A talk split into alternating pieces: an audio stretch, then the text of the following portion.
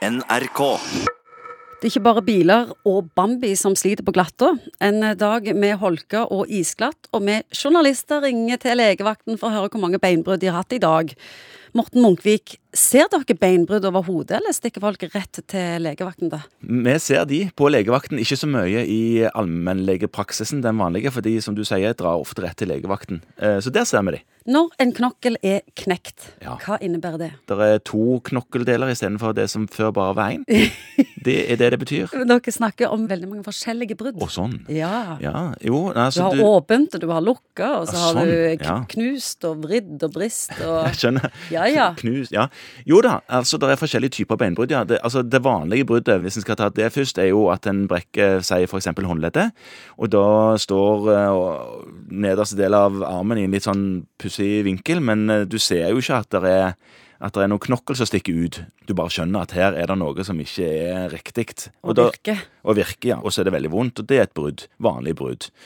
Så kan det være noen ganger med alvorlige brudd nedi underarmen der at knokkelbiter stikker ut. Det heter et åpent brudd. Det er utrivelig for absolutt alle involverte. Oh.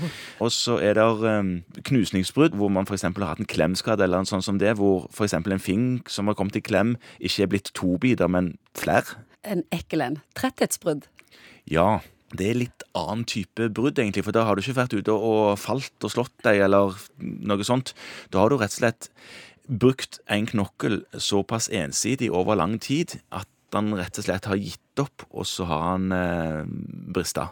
Det kan være idrettsutøvere, eller det kan være de som har eh, veldig lav beintetthet, men det er typisk ved idrettsutøvere at de har tretthetsbrudd i, i f.eks. en fotrotsknokkel. Man har bøyd den knokkelen, på en måte provosert den så mye fram og tilbake, omtrent som du tar en metallstang og bøyer den fram og tilbake, så knekker den til slutt. Er det sånn at uh, hvis jeg tror at jeg knokker noe, at jeg kan finne det ut sjøl, eller må jeg gå og sjekke det? Klassisk er jo ankelen, når Så- den bare hovner opp, og du har ikke greie stå på den. Skulle akkurat det si det, så er det den som er vanligst på legevakt, at eh, man kommer og har trødd over så ordentlig at det er, har hovna opp og er ordentlig, ordentlig vondt.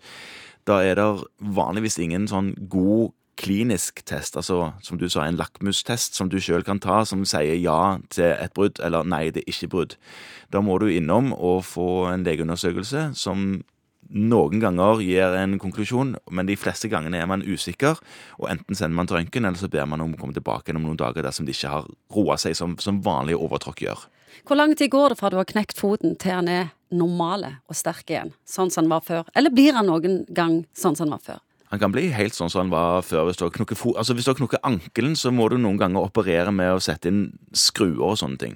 Da er det lengre opptrening. Men et vanlig brudd tar ca. seks uker fra du har knukket til det er tilhela, og du kan begynne opptreningen. Og så tar det noen måneder etter det til du er liksom tilbake akkurat sånn som du var. Men på idrettsbanen, hvis du knekker noe der, så er utøveren ofte litt avhengig av hvor du har knukket, tilbake igjen i trening etter bare fire uker, hvor du kan begynne å trene litt uten å provosere bruddstedet så mye. Hva er det verste du kan knekke? Hvis du knekker nakken, eh, åpenbart, og får nerveskade, da er du ille ute.